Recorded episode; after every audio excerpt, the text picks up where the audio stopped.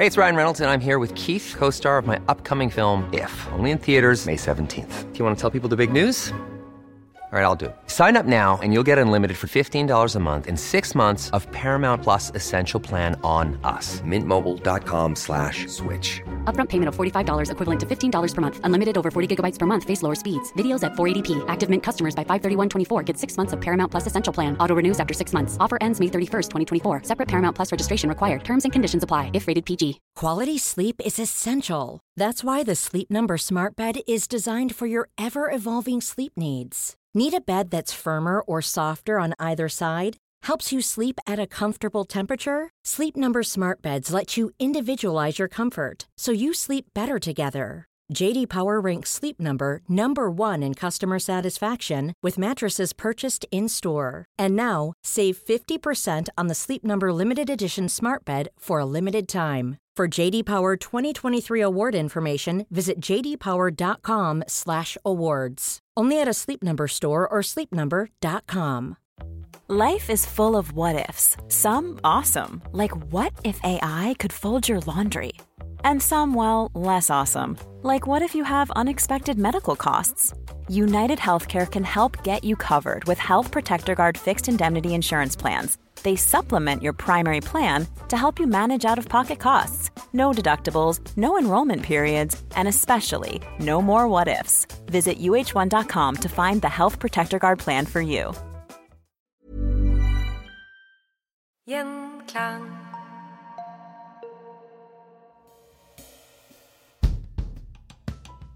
Hjørnesteinsbedrifter rundt omkring i Norge spiller viktige roller lokalt, og mange har satt spor etter seg i norsk industrihistorie. I Sandnes var det Jonas Øglen AS som var industrieventyret. Historien om Øglen er historien om norsk sykkel- og motehistorie, men òg historien om en nasjon i endring og en bedrift som forsto at endring er framgang.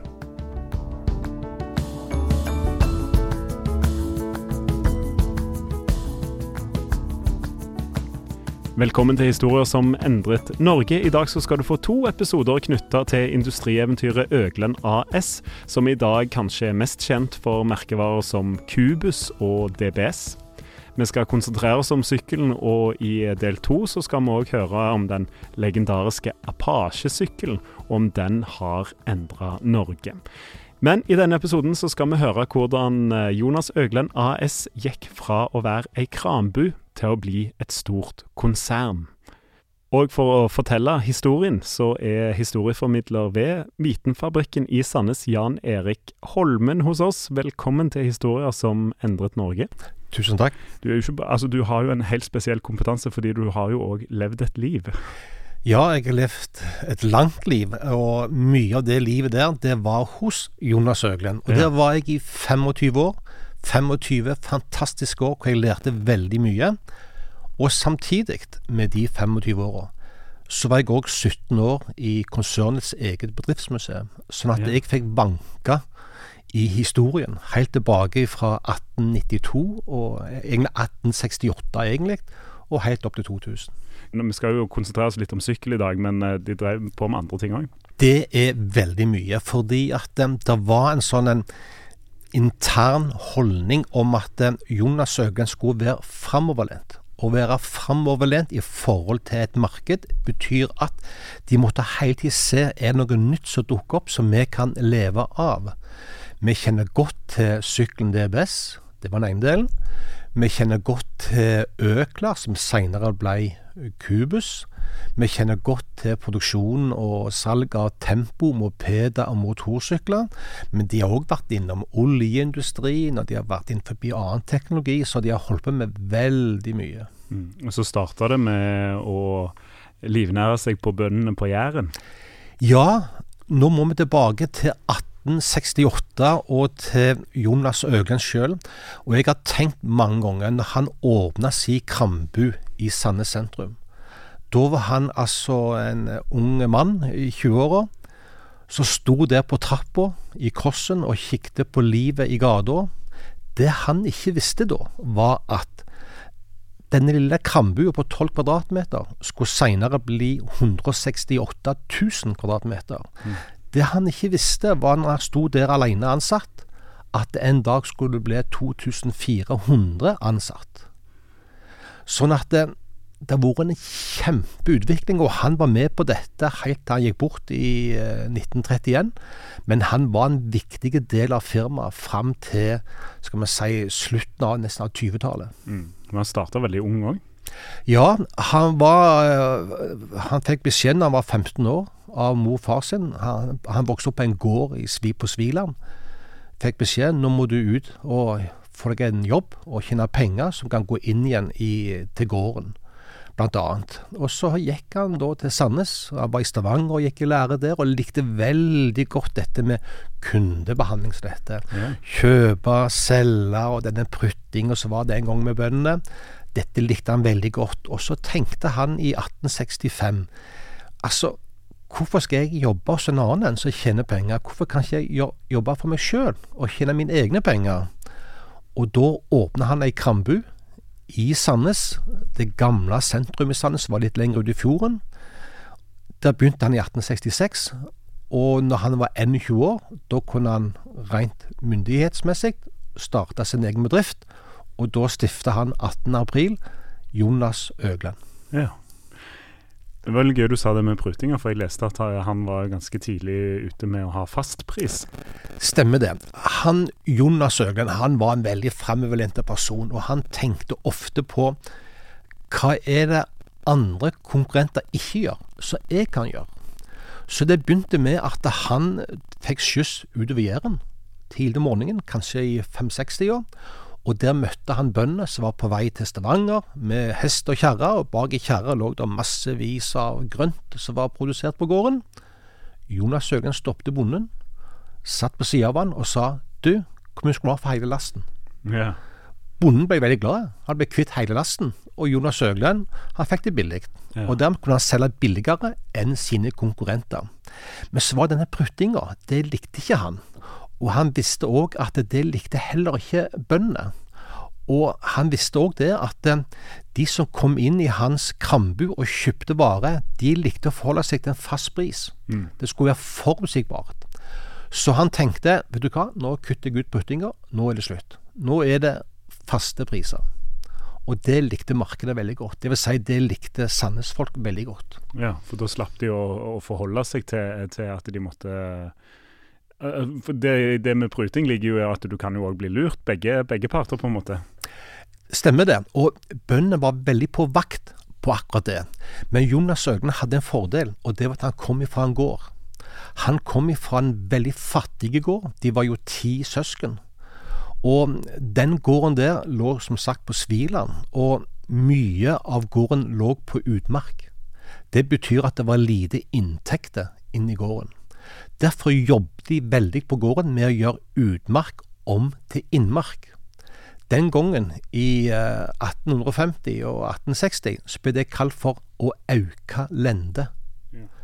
Derfor fikk gården navnet Auklend, og derav navnet Øglend. Med andre ord, han visste veldig godt hva det vil si å drive en gård.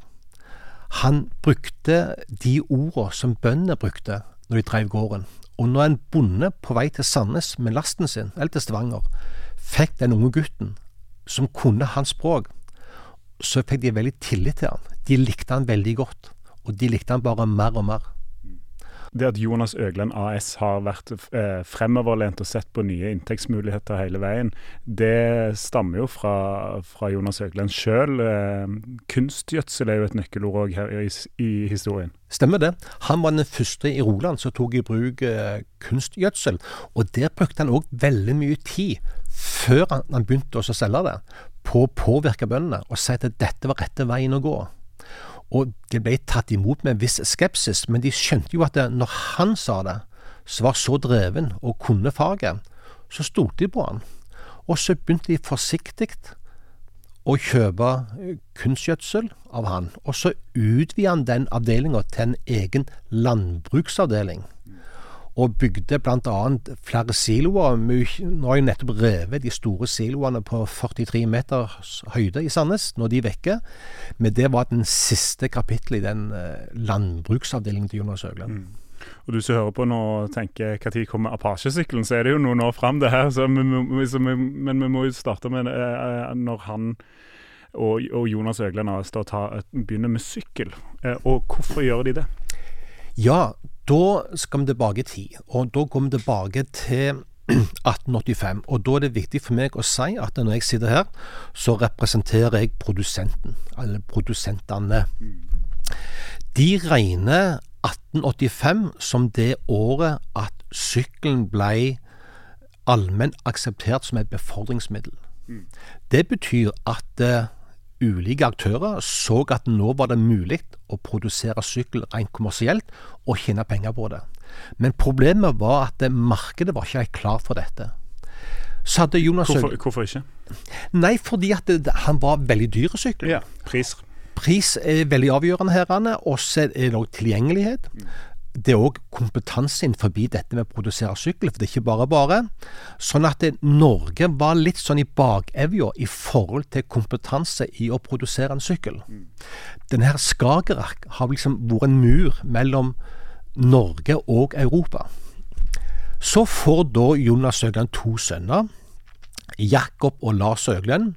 Jakob var født i 1871, og han var veldig framoverlent. Og han leste i avis og hørte rundt omkring at dette med sykkel, det var visst noe som var veldig populært. Og han spurte da far sin, det var i 1890, om han kunne få lov til å importere sykkel fra Tyskland. Og da sa faren nei, det får du ikke, for sykkel det er bare noe tullegreier, leke, leketøy. Han ga seg ikke. Han tenkte jeg må omformulere det, jeg må gjøre det på en annen måte.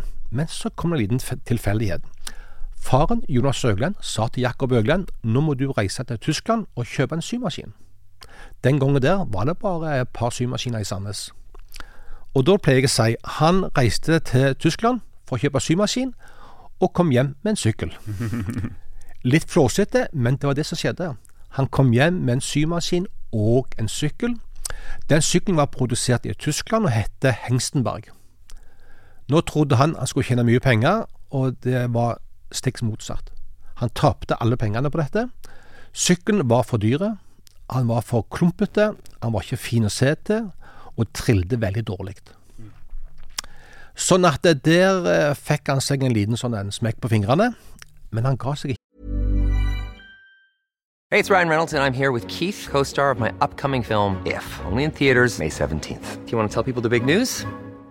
All right, I'll do it. Sign up now and you'll get unlimited for $15 a month in six months of Paramount Plus Essential Plan on us. Mintmobile.com slash switch. Upfront payment of $45 equivalent to $15 per month. Unlimited over 40 gigabytes per month. Face lower speeds. Videos at 480p. Active Mint customers by 531.24 get six months of Paramount Plus Essential Plan. Auto renews after six months. Offer ends May 31st, 2024. Separate Paramount Plus registration required. Terms and conditions apply if rated PG. Quality sleep is essential. That's why the Sleep Number Smart Bed is designed for your ever-evolving sleep needs. Need a bed that's firmer or softer on either side? Helps you sleep at a comfortable temperature? Sleep Number Smart Beds let you individualize your comfort so you sleep better together. JD Power ranks Sleep Number number 1 in customer satisfaction with mattresses purchased in-store. And now, save 50% on the Sleep Number limited edition Smart Bed for a limited time. For JD Power 2023 award information, visit jdpower.com/awards. Only at a Sleep Number store or sleepnumber.com.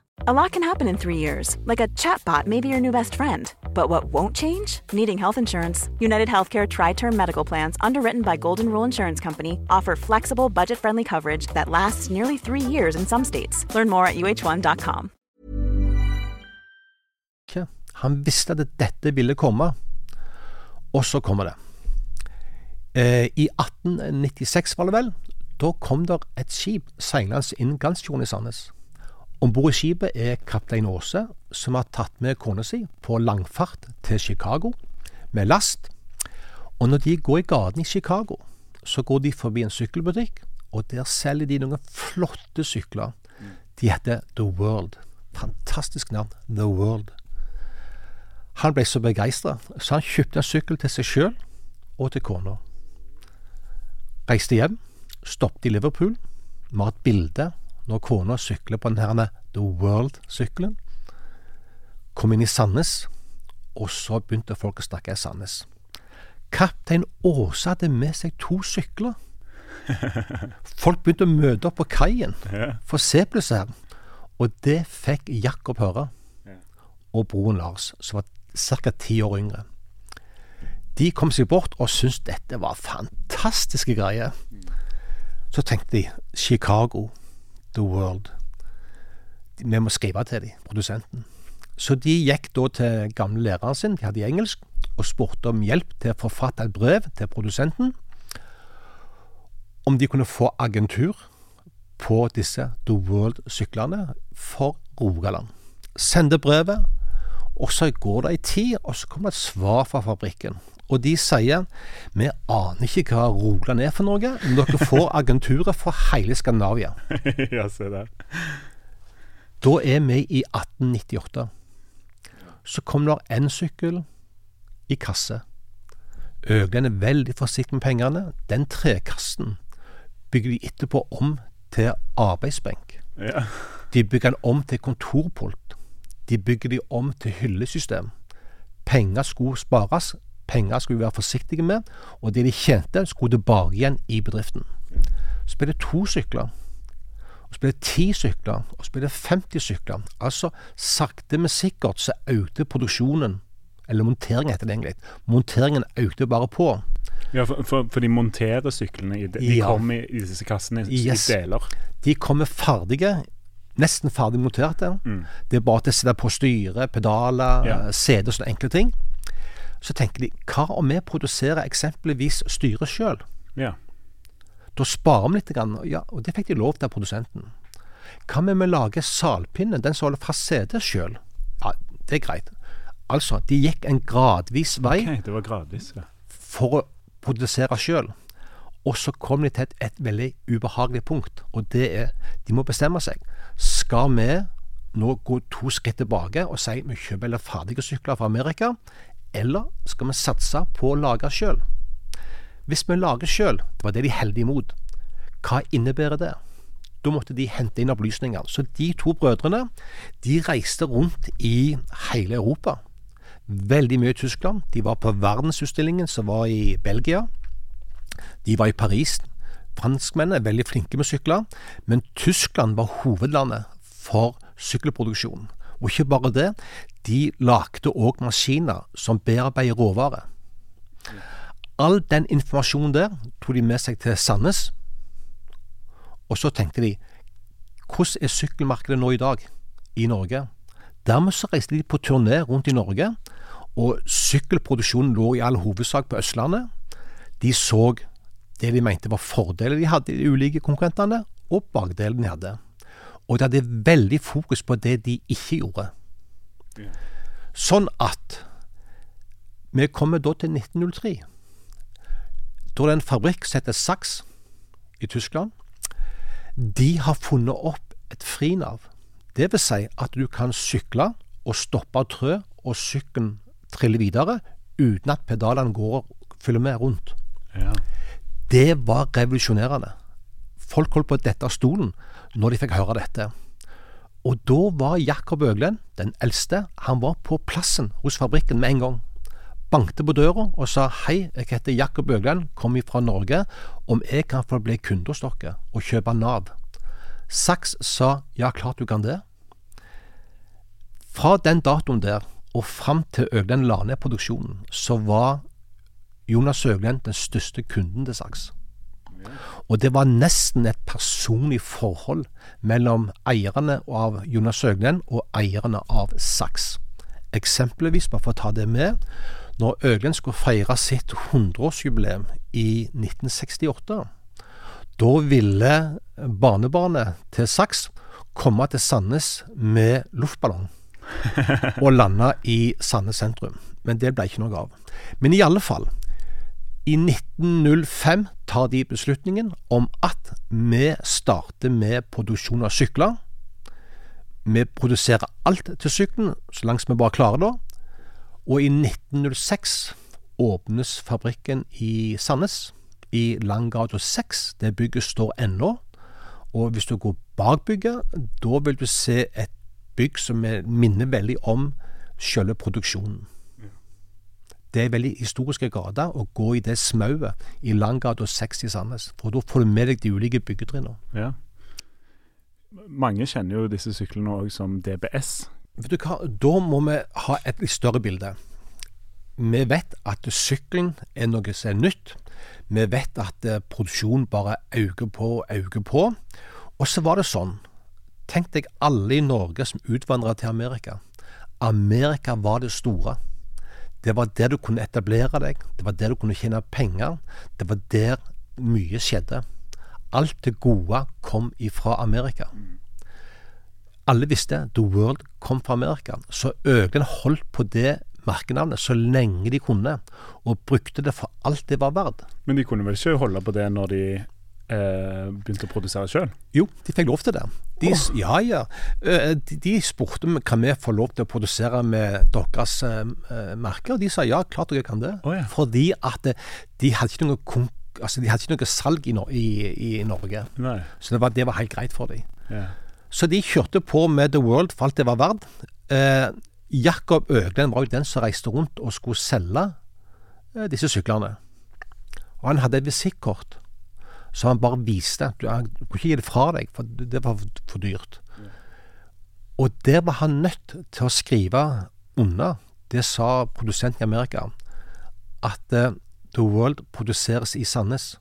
Men det var ikke bra, for alt det bra kom fra Amerika. Så da lærte han Jakob Øglensengen en teknikk han holdt tommelen over der det sto 'produsert i Sandnes'. Da sto det bare 'The World USA' på. Ja. Og da trodde alle at det kom fra USA. Men det var den gangen. De holdt på The World-navnet så lenge de kunne. Men de kommer til slutten av 20-tallet. Da begynner The World-navnet å bli litt slitt. Eh, de må gjøre noe. Eh, det er det ene. Og det andre, som mange ikke er klar over, det er at eh, 20-tallet var ei forferdelig tid for sykkelmarkedet i Norge. Veldig mange fabrikker gikk over ende. Salget bare gikk rett i kjelleren. Og Øglen måtte virkelig sue på labben. Og så var det sånn at Jakob Øglen og broren Lars Øglen, som var født i henholdsvis i 1871 eh, og 1880, de begynte å bli gamle. Men de hadde et, eh, en kar, et barn, som hadde kontor i New York og drev med sykkel der. Jonas Bjarne Øglen. Han fikk klar beskjed. Du, kom over her med en gang. Du skal jobbe for oss her i Sandnes. Vi trenger deg. Han satt på det aller siste innenfor markedskommunikasjon, dette med tenke produksjon, dette med merkevarebygging. Det tok han med seg fra Amerika og til Sandnes. Kort tid så tok han over lederskapet i bedriften. Han så at The World var utslitt. Så han sa Som ha, merkevare? Eller? Som merkevare, ja. Vi må ha et nytt navn. Ja. I mai 1933, i alle aviser i Norge, da sier Øglen vi innbyr alle til en navnekonkurranse. Et godt navn på en norskprodusert sykkel. Førstepremien det var en motorsykkel fra Øgland. De begynte å produsere det i 1931. Annen premie var en litt mindre premie. Og de fikk inn mange, mange tusen forslag. Så var det en liten gutt på tolv år. Han heter Knut Johannessen. Han hadde tenkt lenge og kom fram til navnet DBS, som står for Den beste sykkel. Øglene falt for det med en gang. Så da ble det navnet brukt til kommende produksjon, og den starta samme året, i oktober måned. Han gutten kunne ikke få en motorsykkelpremie fordi at han var for unge. Derfor fikk han istedenfor to sykler, og han var veldig fornøyd med det. Eh, I min tid hos Jonas Øglen, som vi lenge i matpauser, i ulike møter, tenkt vil vi noen gang klare å få fatt i en av de første DB-syklene som ble produsert? Det ble satt av jeg tror det var rundt 40 000 kroner som vi skulle gi til den som hadde den eldste sykkelen. Og vi jobbet veldig i mange tiår, men vi ga opp. Så kommer vi til Vitenfabrikken. Jeg begynte der i 2018. vi jobber veldig, og sykkel er veldig inn, så får jeg en henvendelse fra Oslo. En, eh, noen søsken som holder på å rydde hjemme hos mor og far. De finner en gammel sykkel, om vi ville ha den. Med en gang jeg ser den sykkelen, og han har tatt bilde av rammenummeret, så skjønner jeg med en gang Oi, dette var veldig lågt nummer, og jeg mente jeg kunne huske den serien der. Jeg husker jeg gikk Jeg tok med meg det papiret hjem fra Vitenfabrikken i Sandnes. Kom hjem til meg. Jeg har eget Jonas Søglandsrom. du har det? Ja, det har jeg. Tok opp programmet mitt, PC-en. Går inn på produksjon. Produksjonsliste. Og så går jeg tilbake i åra. 35, 34 og bak gjennom. Og så ser jeg. Det året der så skifter jeg normalt modeller i oktober.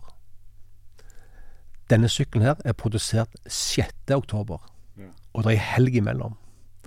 Med andre ord, den sykkelen der, den damesykkelen der, er den eldste DBS-sykkel som finnes, og den står i dag utstilt i utstillingen Jonas Øgland på Vitenfabrikken. Ja, Det må jo være en fjær i hatten, da. For, ja, vet du hva. På en måte så Jeg ble litt lei meg. For det, for jakten over? Ja, det var jakten over, liksom. Tenk hva som skjer? Hva skal jeg nå jakte på? Men jeg, jeg, jeg, jeg, har flere ganger Jeg, har vært med og bygd den utstillingen, og jeg har flere ganger sett på sykkelen og tenkt liksom Alle de årene vi har jobba hos Øglen, og så finner vi denne her. Helt utrolig.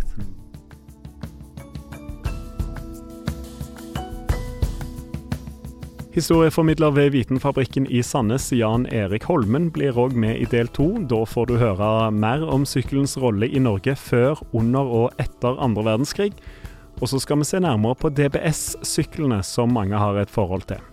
Kanskje får vi svar på om Apache-sykkelen har endra Norge? Gjenklang